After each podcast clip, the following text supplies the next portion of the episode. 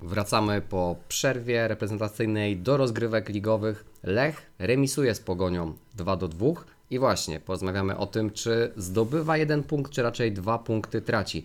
Porozmawiamy także o negatywnym bohaterze wieczoru, czyli o Pawle Raczkowskim, a to wszystko w siódmym odcinku Poznańskiego Ekspresu. Witałem się z Wami tradycyjnie Radek Laudański. i Marcin Jerzyk. Zaczynamy.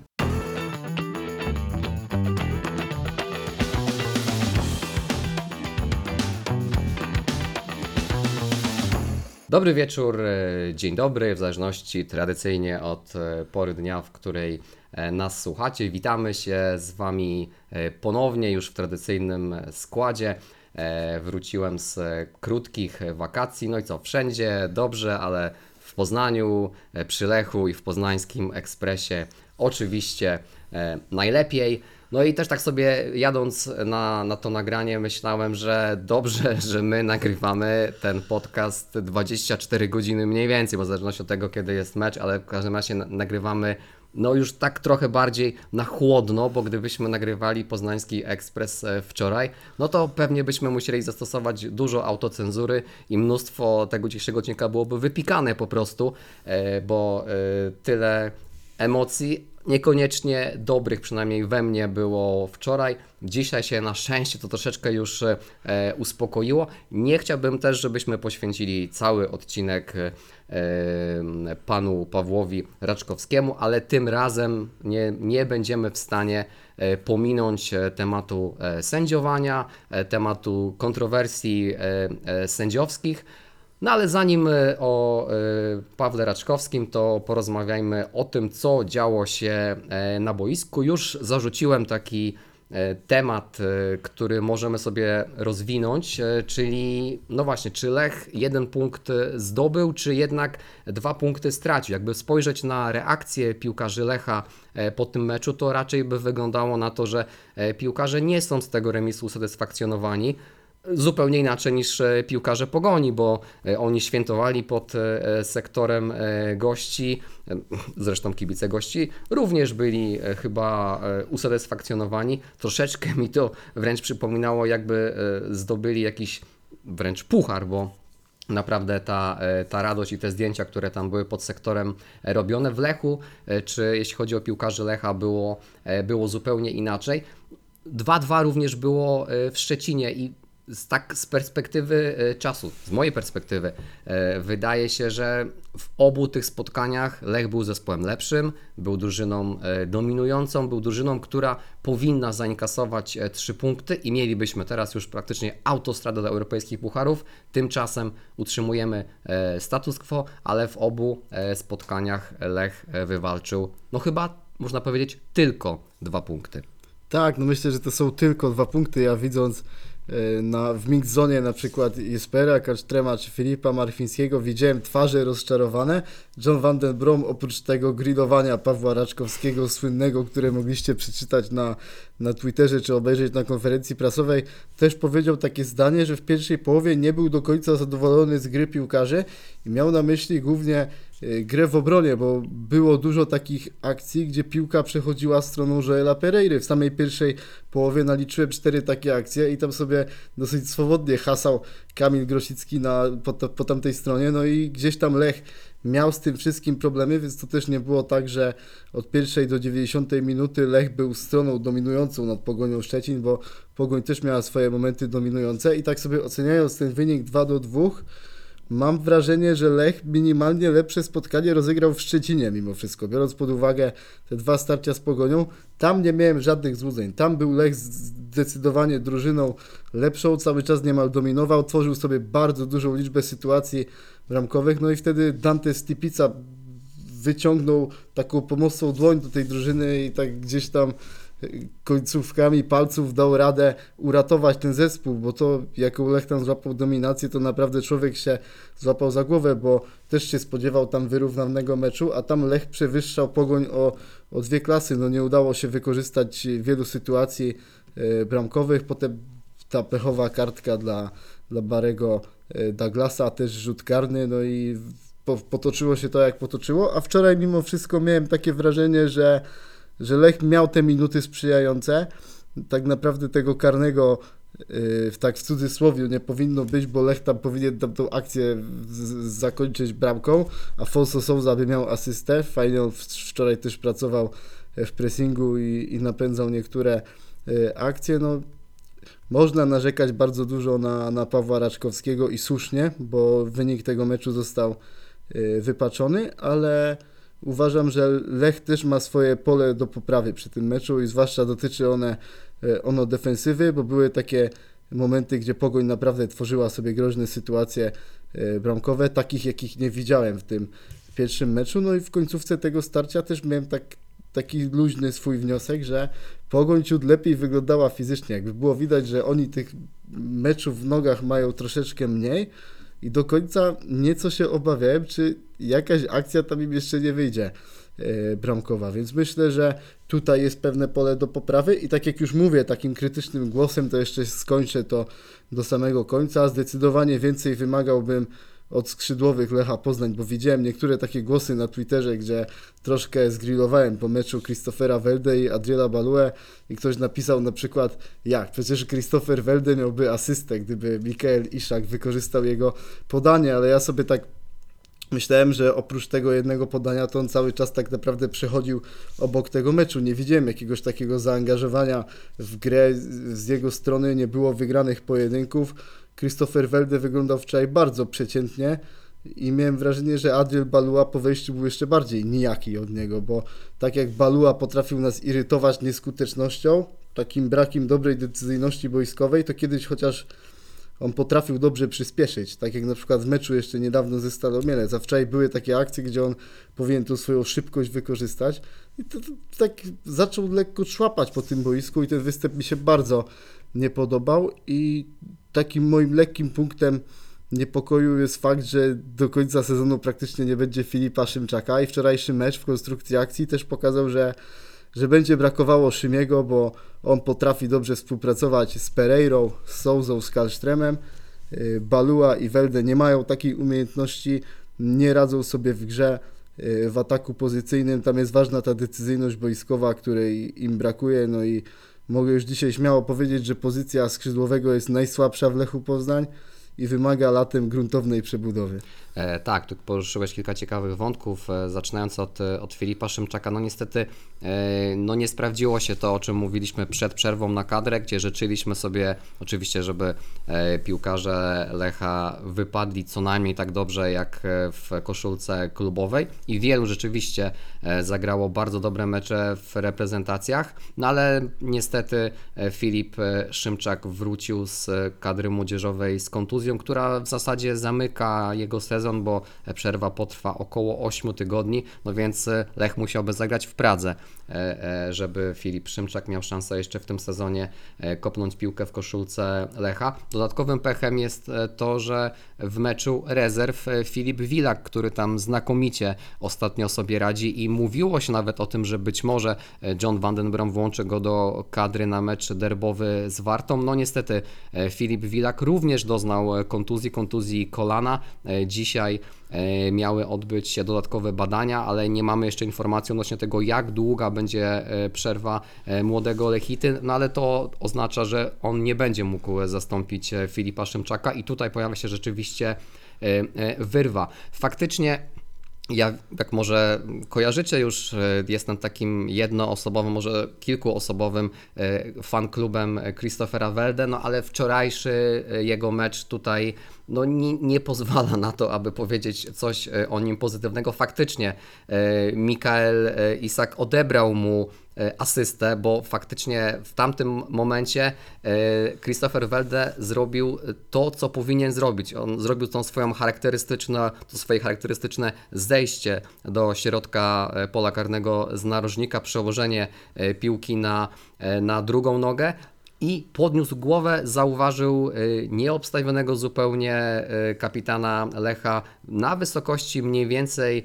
e, punktu, z którego strzela się rzuty karne, no ale ten e, strzał niestety e, Mikalowi Isakowi nie wyszedł, więc tak naprawdę oczywiście tutaj ja nie chciałbym, żeby to zabrzmiało, że Pogoń nie była równorzędnym przeciwnikiem e, dla Lecha, bo to generalnie był dobry mecz i Pogoń postawiła dosyć trudne warunki Lechowi. Faktycznie były takie momenty, szczególnie na początku drugiej połowy, kiedy Pogoń przejęła e, kontrolę, przejęła dominację e, nad e, meczem. Na szczęście Lech potrafił też na to odpowiedzieć, co, co tutaj trzeba podkreślić. No ale nietrafiony rzut karny, źle wykonany rzut karny przez Mikaela Isaka i później ta zmarnowana sytuacja, która mogła Lechowi dać trzy punkty, no rzucają się jakimś cieniem, bo tak jak mówię, no nie będziemy w stanie uniknąć e, rozmowy o kontrowersjach sędziowskich, ale mimo tego, że jak niektórzy mówią, graliśmy w 11 na 12, co jest pewnie e, lekkim tutaj, e,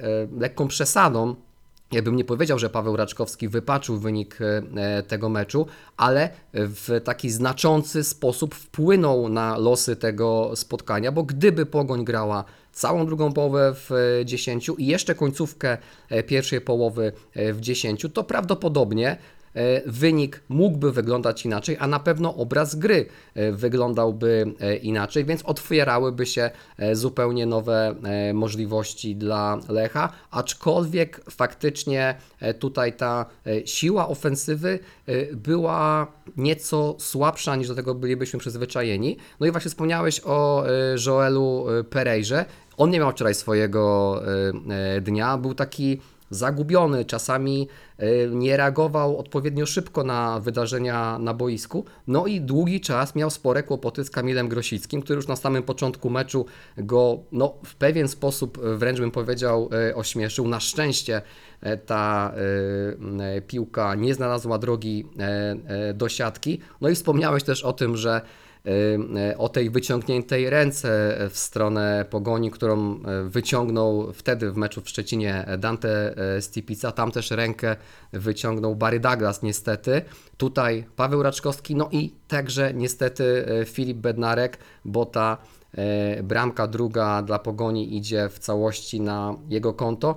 To jest taki bolesny akcent tego wczorajszego e, wieczoru, że Pogoń e, strzeliła bramki z naszych błędów e, i to nie były wypracowane akcje przez, przez Pogoń, tylko no niestety to Lech się przyczynił do tego, że Pogoń na naszym stadionie zdobyła dwie bramki.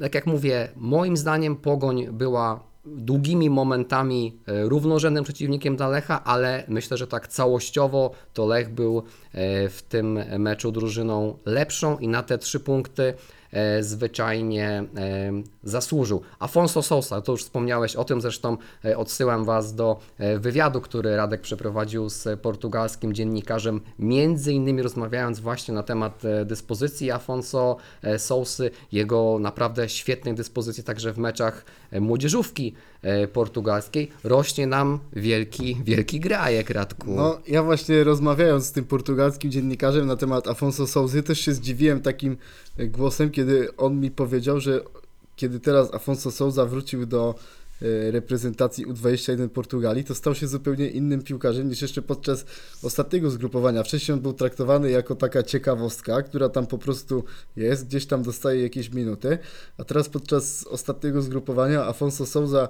stał się jednym z najważniejszych zawodników tej reprezentacji i, i mi właśnie ten dziennikarz powiedział, aż byłem zdumiony, że on widzi bardzo dużą tą poprawę fizyczną u niego, że to, co wcześniej u niego było takim mankamentem i to sprawiło, że on na boisku jest pewniejszy siebie, że myśli szybciej, gra, gra dokładniej i złapał taką pewność siebie, która daje mu, e, daje mu t- takiego kopa do, do gdzieś tam dalszego rozwoju, no i gdzieś nie chcę całego tego wywiadu zdradzać, Jasne. gdzieś tam odsyłam na mój Twitter, no ale myślę, że możemy być śmiałymi optymistami również e, po tej wypowiedzi portugalskiego dziennikarza. Ja też chciałbym się odnieść do tych słów, które przed chwilą powiedziałeś tutaj e, we, wcześ- we wcześniejszej wypowiedzi i co do błędu Joela Pereiry. No to myślę, że, że ta pierwsza bramka, czyli ten rzut karny idzie mocno jednak na jego konto, no bo tam była, tam była ta taka przebitka, którą on przegrał. to było tak naprawdę prosty błąd, bo, bo tam ta piłka, żeby ją wygrać, ona była dosyć prosta, żeby przeczytać tego typu sytuacje. No Pereira został trzy albo cztery razy tak dosyć y, objechany w pierwszej połowie. No i tam ta sytuacja była też tego konsekwencją. On miałem wrażenie, że potem stracił trochę pewność siebie na boisku, że nawet te jego podania nie były takie dokładne jak zwykle, chociaż on zawsze potrafi coś dać w tym elemencie. Też kilka akcji dobrze napędził wczoraj, więc to też nie było tak, że to był taki występ, żeby go całkowicie zgrillować za to Nie, spotkanie. nie, bo to parę, bardziej, bardziej w Tak. relacji do jego wcześniejszych występów po prostu. tak, parę, parę miał też lepszych momentów, aczkolwiek na pewno był, był to wczoraj taki Joel Pereira, powiedzmy z tego początkowego okresu w Lechu Poznań, kiedy troszeczkę drzeliśmy o jego poczynania w defensywie.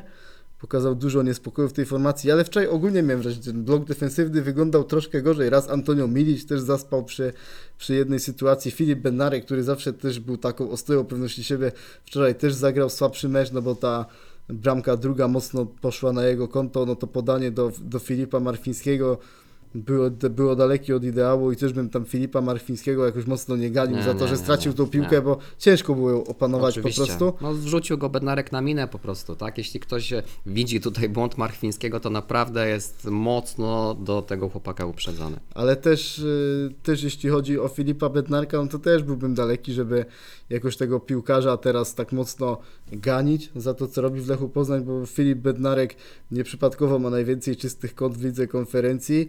Y, Radzi sobie w większości meczów ekstraklasy bardzo dobrze, pokazuje dużą pewność siebie.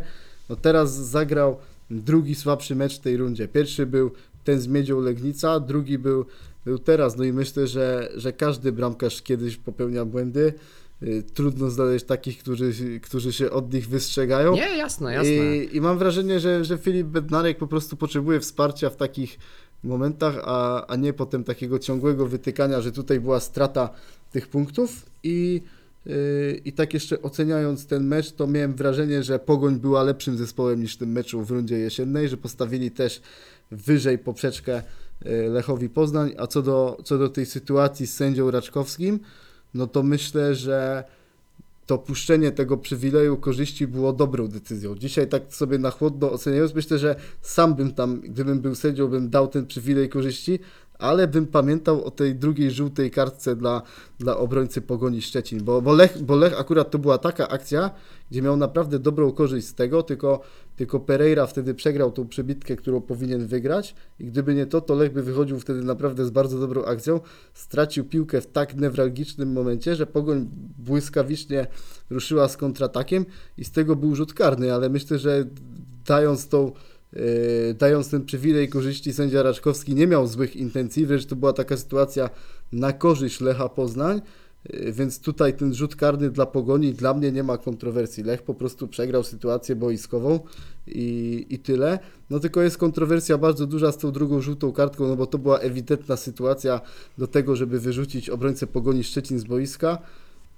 No i gdyby Pogoń grała w dziesiątkę w drugiej połowie, no to można się spodziewać, że ten mecz wyglądałby zupełnie inaczej i, i Lech Poznań najprawdopodobniej miałby dużo większą kontrolę nad tym, nad wydarzeniami boiskowymi. I mnie wypowiedź Johna Vandenbroma nie dziwi po meczu Bartka Salomona i Jespera Kasztrema też nie, ja też powiem troszeczkę może takich kulisów z tych wypowiedzi, bo kiedy przyszedł Jesper Kasztrem do Mixzony, zobaczyliśmy człowieka wściekłego, takiego smutnego, totalnie niena, nienasyconego tym jednym punktem i został właśnie zapytany przez jednego z dziennikarzy o, o tą kontrowersyjną sytuację z Pawłem Raczkowskim. Długo była naprawdę taka niezręczna cisza, Jesper nie wiedział co powiedzieć. Potem powiedział takie słowa, że, że poziom sędziowania to był po prostu żart. Potem jeszcze powiedział parę słów o tym już troszeczkę takich łagodniejszych. No ale gdzieś tam ten przekaz poszedł w świat i było, było widać, że, że wściekłość wśród piłkarzy Lecha Poznań była duża. Co ciekawe, drugim piłkarzem w Big Zone miał być Bartek Salamon. Do- Dostaliśmy taką informację od osób e, z biura prasowego, że po Jesperze przyjdzie Bartek Salamon, ale chyba biuro prasowe stwierdziło, że już troszeczkę za dużo było tego. e, Już wystarczy tej tak, benzyny. że już wystarczy tej benzyny i przyszedł Filip Marchwiński na, na drugi wywiad, który był zdecydowanie bardziej powściągliwy w Mhm. ocenie arbitra aniżeli Jesper Kaszczyn. No i wtedy wydawało się, że już jest koniec tych takich ostrych głosów, no i wszedł cały na biało John Van den Brom na konferencję prasową i po prostu dał upust swoim emocjom, ale myślę, że to mnie nie dziwi, bo w Mielcu tak samo sędzia jest. Raczkowski pozbawił Lecha Poznań trzech punktów. To nie były też pierwsze sytuacje, kiedy, kiedy on Lechowi Poznań zabiera punkty, albo gdzieś sprawia, że, że przebieg tego meczu przez jego decyzję jest taki, a nie inny, kończy się niekorzyścią dla Lecha Poznań. No i co do tej kary zawieszenia dla sędziego No Raczkowskiego. właśnie, bo to nie jest zawieszenie tak naprawdę. Tak, to nie jest zawieszenie, tylko to jest No chyba, że jeszcze kolegium sędziowskie będzie się zbierało i podejmie jakąś, jakąś inną decyzję, bo to jest e, no to jest według mnie takie mm, postawienie sprawy troszeczkę e, arebu. No, z jednej strony przyznawa, przyznana jest e, racja, że Paweł Raczkowski popełnił błąd, bo tutaj ja się akurat z Tobą tutaj, Radku, pozwolę nie zgodzić e, co do tego przywileju, bo rzecz jest w tym, że e, jeżeli sędzia Raczkowski puścił e, tę akcję, to już nie mógł do tej żółtej kartki wrócić, ponieważ akcja nie została przerwana. E, Tam nie był atak nierozważny e, i e, nie- można było wrócić, aby dać tę żółtą kartkę. Czy to była taka sytuacja rzeczywiście korzystna dla Lecha? No Lech tam wychodził, jak sobie można zobaczyć w powtórce, 3 na 5, więc e, no tutaj można sobie co do tego, e, co do tego dyskutować. Moim zdaniem e, w tym momencie już był e, już był błąd e, Pawła, Pawła Raczkowskiego E, i to jest pewna kumulacja po prostu różnych jego błędów. Ja mam wrażenie, że e, ten sędzia ma e, ostatnio pewien problem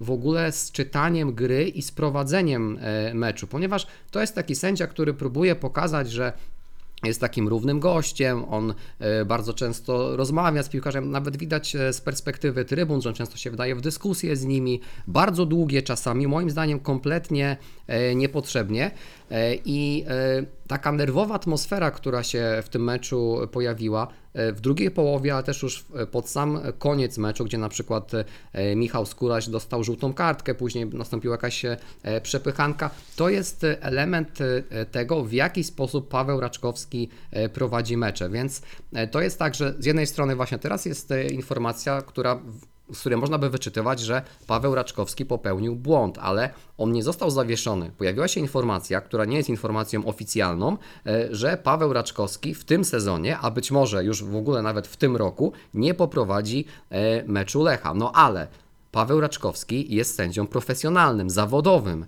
więc e, to nie jest tak, że on jest e, hobbystą, że on to robi dla fanu, dla frajdy, tylko on za to bierze pieniądze i jest i powinien być rozliczany z tego, w jaki sposób wykonuje swoją pracę, w jaki sposób wykonuje swoje e, obowiązki e, na, e, na boisku, więc no albo e, jest zawieszenie i Paweł Raczkowski ma czas, żeby swoje błędy przemyśleć, swoją postawę boiskową przemyśleć i wrócić e, e, w lepszej dyspozycji, bo jakby to nie twierdzę, że jego trzeba już teraz e, e, skasować, zgrillować i e, nie, nie chcę go więcej przy bułgarskiej oglądać, aczkolwiek powiem szczerze, wolałbym przez parę tygodni go w tym momencie nie oglądać, ale to tak mówię pół żartem, pół serio, bo wiadomo, emocje za jakiś czas opadną. No ale no właśnie, on nie będzie prowadził meczów Lecha, jeśli tak będzie, bo to jest, mówię, informacja e, nieoficjalna, ale co z innymi zespołami? Jeżeli, e, jeżeli Paweł Raczkowski popełnia rażące błędy, które wpływają na e, przebieg meczu, być może wpływają także na wynik e, meczu, no to tak jak mówię, powinien być zawieszony, powinien odpocząć, przemyśleć, wziąć się w garść, wziąć się do roboty i dopiero wtedy wrócić do, do sędziowania na najwyższym poziomie rozgrywkowym. Tu jest e, sytuacja postawiona e, na głowie, ale no być może teraz troszeczkę wybiegam za bardzo w przyszłość, bo dopiero się kolegium sędziowskie e, e, zbierze i podejmie decyzję e, w tej sprawie. W każdym razie powiem tak, bardzo mi zaimponował John Van Brom, że nie owijał w bawełnę, że potrafił mimo wszystko, myślę, w kulturalny sposób wy, wypunktować, wyartykułować swoje rozgoryczenie, swoje zniesmaczenie tym, coś, e, co, co miało miejsce e, ze strony e, sędziego e, i że e, Lech jako klub zareagował na te wydarzenia. Nie schował głowy w, pas, w piasek, nie stwierdził, e, ok, e, błędy się zdarzają, e, sędziowie są tylko ludźmi, to jest prawda. Natomiast no, e, ja też, jak popełniam błędy w swojej pracy, to odpowiadam przed swoimi przełożonymi i tak dalej, i tak dalej. I się tej odpowiedzialności, e, o, te, o tej odpowiedzialności nie uciekam. Podobnie powinno być e, z sędziami czy z kimkolwiek e, e, innym. I tu mi zaimponował i Bartek Salamon, który w kanale Plus przewodniczący powiedział wprost odnośnie tego i Jesper Karsztrem, i John van den Brom, i e, w ogóle przedstawiciele Lecha, którzy już dzisiaj rozmawiali w sprawie e, Pawła Raczkowskiego właśnie z kolegium sędziowskim, czy z przedstawicielami e, Ekstraklasy SA i, i PZPN-u. To jest taka właśnie reakcja, jakiej bym oczekiwał od klubu i tutaj naprawdę szacunek dla wszystkich osób, które, które w, tej, w tej akcji wzięły, które po prostu powiedziały prosto, jasno, kawa na ławę, y, y, co nam się nie podoba, jak byśmy oczekiwali, że to powinno y, rzeczywiście mieć, mieć miejsce. Y, To mi się podoba i, i tak generalnie y, taki klub, y, nie mam, nie mam teraz y, obaw, żeby powiedzieć tak, wielki klub jak Lech powinien funkcjonować. No ja myślę, że tutaj mógłbym się podpisa- podpisać obiema rękoma pod tym, co tutaj Marcinie powiedziałeś, bo mam takie samo zdanie o tej sytuacji. No to tak naprawdę to, że Paweł Raczkowski najprawdopodobniej nie będzie mógł sędziować meczów Lecha Poznań, no to możemy popeł- porównać do takiej sytuacji, kiedy na przykład, nie wiem, ktoś popełni przestępstwo w danym mieście czy danym stanie i na, na przykład, nie wiem, mamy sytuację Stanów Zjednoczonych. Ktoś na przykład popełni e, jakieś przestępstwo w stanie Teksas i karamy tego delikwenta karą, że on nie może na przykład tylko wjeżdżać do stanu Teksas i tam jest, tam traci swoją wolność, a w pozostałych stanach może robić co chce. No to gdzieś tam umyka wszelkim prawom logiki, no i myślę, że, że taka decyzja nie jest dobra, bo wtedy to też napędza rzeczywiście inne kluby do podobnego działania, że ma, nawet może się w Lechu, tak jak powiedziałeś, tu jest kumulacja już różnych błędów ze strony tego samego arbitra i tutaj nie dziwi e, stanowczość, bo gdyby to był jednorazowy występek, to bym powiedział, że ta reakcja była troszeczkę przesadzona, ale skoro to jest już szósty raz, tak jak mówi John Van den Brom, no to było trzeba działać w sposób e, zdecydowany, no bo rzeczywiście, kiedy osoba w innych zawodach tak często by się myliła na czyjąś niekorzyść, no to poniosłaby tego konsekwencje i tutaj też należy tego oczekiwać. I do mnie też nie trafia troszeczkę ten argument, który czasami czytam, że nie wkładajmy kija w mrowisko, w nasze środowisko sędziowskie, bo Paweł Raczkowski jest międzynarodowym sędzią, a tych sędziów nie mamy zbyt dużo i musimy szanować tych, którzy są, bo oni mogą na przykład sędziować jakieś mecze Ligi Mistrzów, Ligi Europy, czy, czy inne jakieś tam, tak mówiąc kolokwialnie, cuda. Nie wiemy, no przede wszystkim Paweł Raczkowski jest sędzią, który sędziuje Ekstraklasę od 2010 roku. Był już na takich arenach jak na przykład Stadio Olimpico w Rzymie, mecze Romy, mecze Bayernu Monachium sędziował, no i od takiego sędziego należy wymagać dużo większego poziomu. Jeśli taki człowiek popełnia błędy, to uważam, że z jeszcze większą stanowczością powinno się te błędy egzekwować i, i tak naprawdę takie poczucie bezkarności wśród sędziów, że, że oni na przykład jadą sobie na, na mecze europejskie, tam łapią dobre recenzje i potem tak naprawdę mogą mniej poważnie podchodzić do obowiązków w ekstraklasie, jest bardzo szkodzące dla polskiej piłki.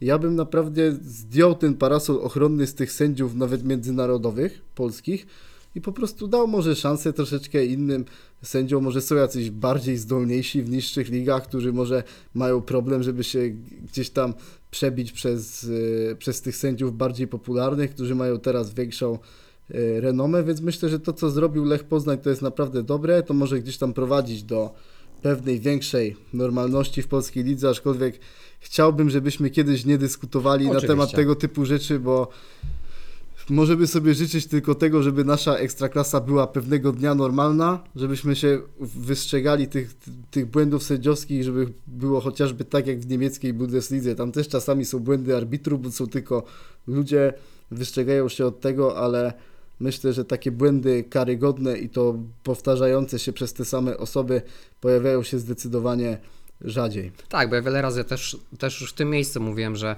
ja jestem e, przeciwnikiem tego, żeby jakoś nadmiernie interpretować, nadmiernie analizować kontrowersje sędziowskie. Ja już na przykład e, wyleczyłem się absolutnie e, z tego e, programu o kontrowersjach sędziowskich, czy tego fragmentu programu Liga Plus e, Ekstra kontrowersjach sędziowskich.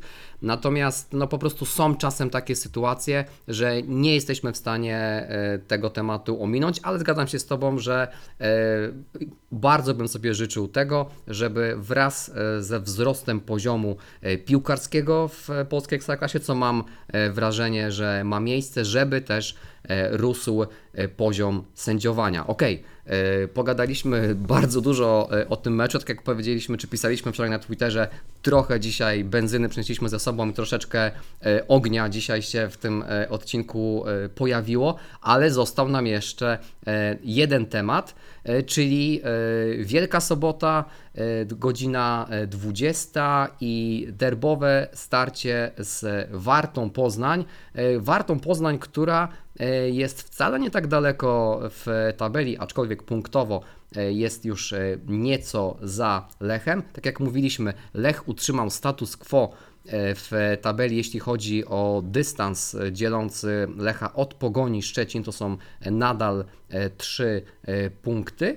Ale Pogoń właśnie za swoimi plecami ma e, poznańską e, wartę. E, 30, ponad 32 tysiące kibiców oglądało wczorajsze starcie z Pogonią. No już teraz e, możemy się spodziewać, że ten mecz sobotni e, zbierze widownię sporo mniejszą, bo na e, dzisiaj chyba około 16 tysięcy biletów e, sprzedanych, czyli tyle osób uprawnionych łącznie e, z karnetowiczami ta pora jest taka, powiedziałbym, bardziej telewizyjna niż, e, niż e, mm, stadionowa, no bo to już prawie że święta, część osób pewnie wyjeżdża do rodzin, poza tym jest to e, wieczór Wielkiej Soboty, a więc no, wieczór Wigilii Paschalnej, także tutaj pewne dylematy takiej natury nieco może etyczno-moralnej, czy, czy właśnie wybrać się na nabożeństwo, czy wybrać się na mecz.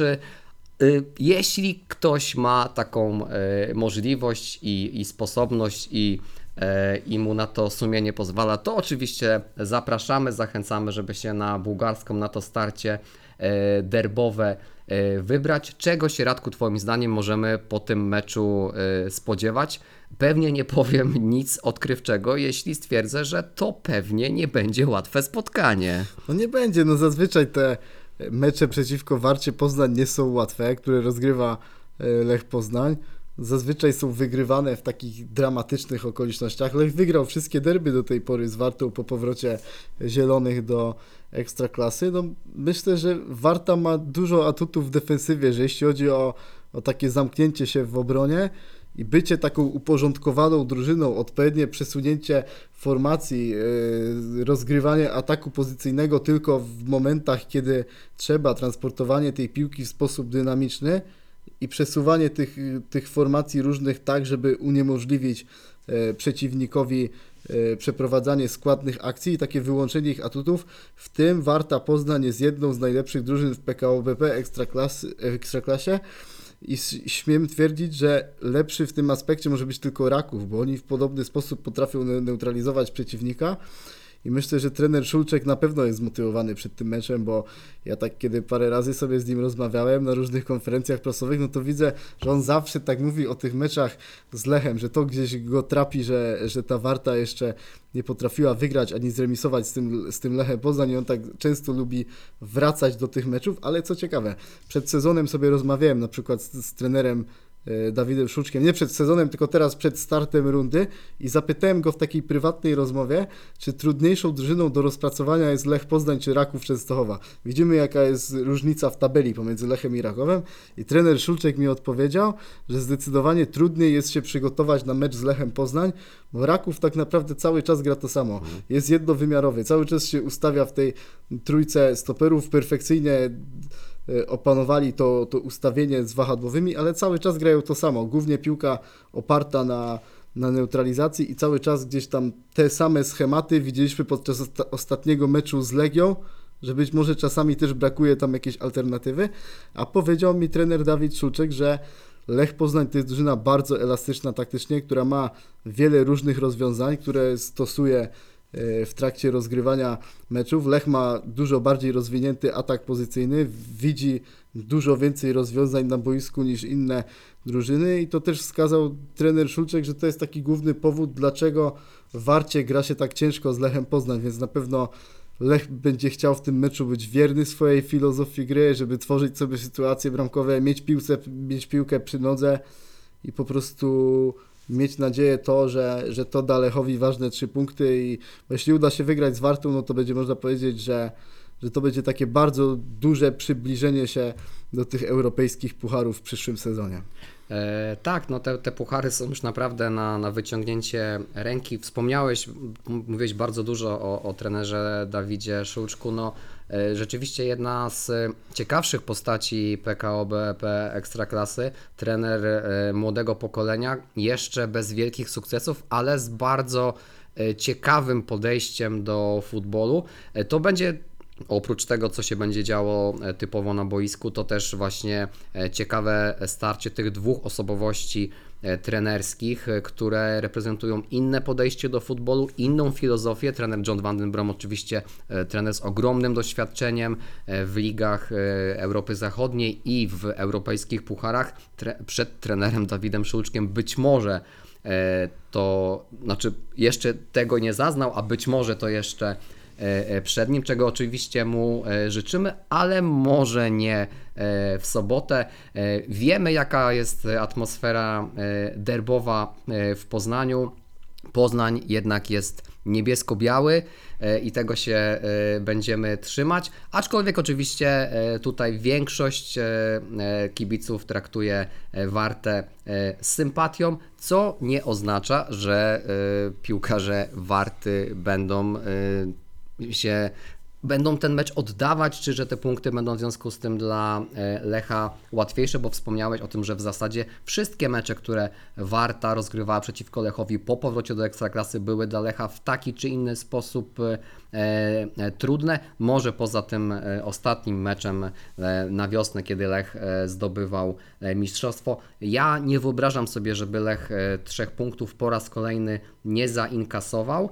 E, Warta oczywiście teoretycznie jest blisko europejskich pucharów, no ale bądźmy szczerzy, czy te europejskie puchary są e, przy drodze dębińskiej e, potrzebne w sytuacji, kiedy e, Warta no w tym momencie nie ma e, nawet stadionu, na którym mogłaby te swoje domowe spotkania rozgrywać, więc tutaj myślę, że filozofia step by step jest e, e, znacznie lepsza, co jeszcze raz podkreślając, nie oznacza, że spodziewam się, że e, ten mecz będzie łatwy i że Warta w jakikolwiek sposób będzie próbowała Lechowi ułatwić zdobycie tych trzech punktów. No więc cóż, szykują się nam kolejny raz emocje, szykują nam się emocje tym razem derbowe, no ale właśnie w tym poznańskim e, sosie, czyli raczej z, z przyjazną, przyjacielską atmosferą e, na trybunach. Mam nadzieję, że tym razem kibice Warty nie pobiją się między sobą, jak to miało miejsce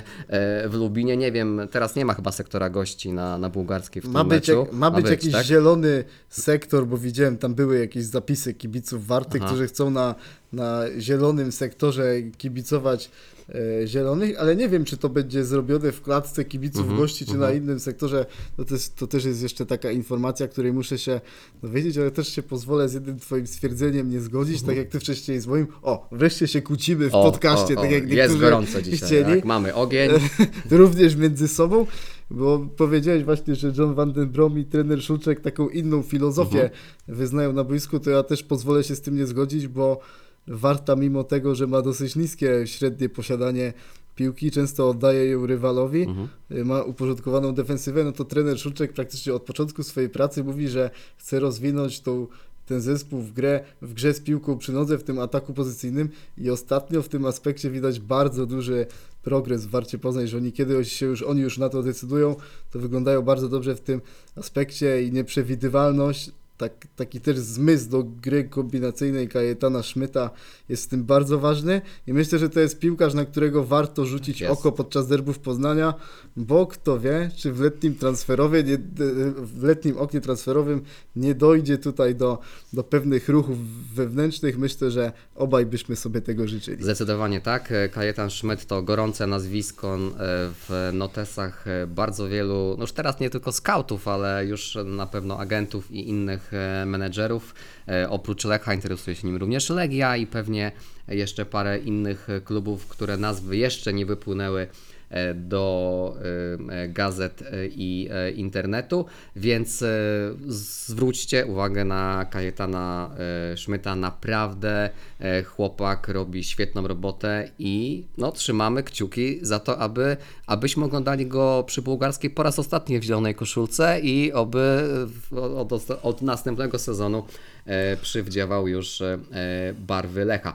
To jeśli e, tutaj odnosząc się do tego, co, co powiedziałeś Radku, to tym bardziej szykuje nam się e, fajny, e, fajny mecz. Ja przyznaję, że warte śledzę nieco mniej od Ciebie, więc pewnie masz tutaj nieco, nieco szerszą perspektywę, no ale to tym bardziej nastawiamy się na nie tylko emocje, ale też na mecz, który będzie stał po prostu na piłkarsko dobrym poziomie i mamy na- nadzieję, że no, po prostu będzie się sporo na boisku e, w sobotę o godzinie 20 działo. Myślę, że przekonałeś troszeczkę więcej tych ludzi, którzy myśleli tak pewnie, że wybiorą się na nabożeństwo w sobotę, że być może jednak warto zrewidować swoje plany i pomyśleć nad meczem e, Lecha Poznań z Wartą.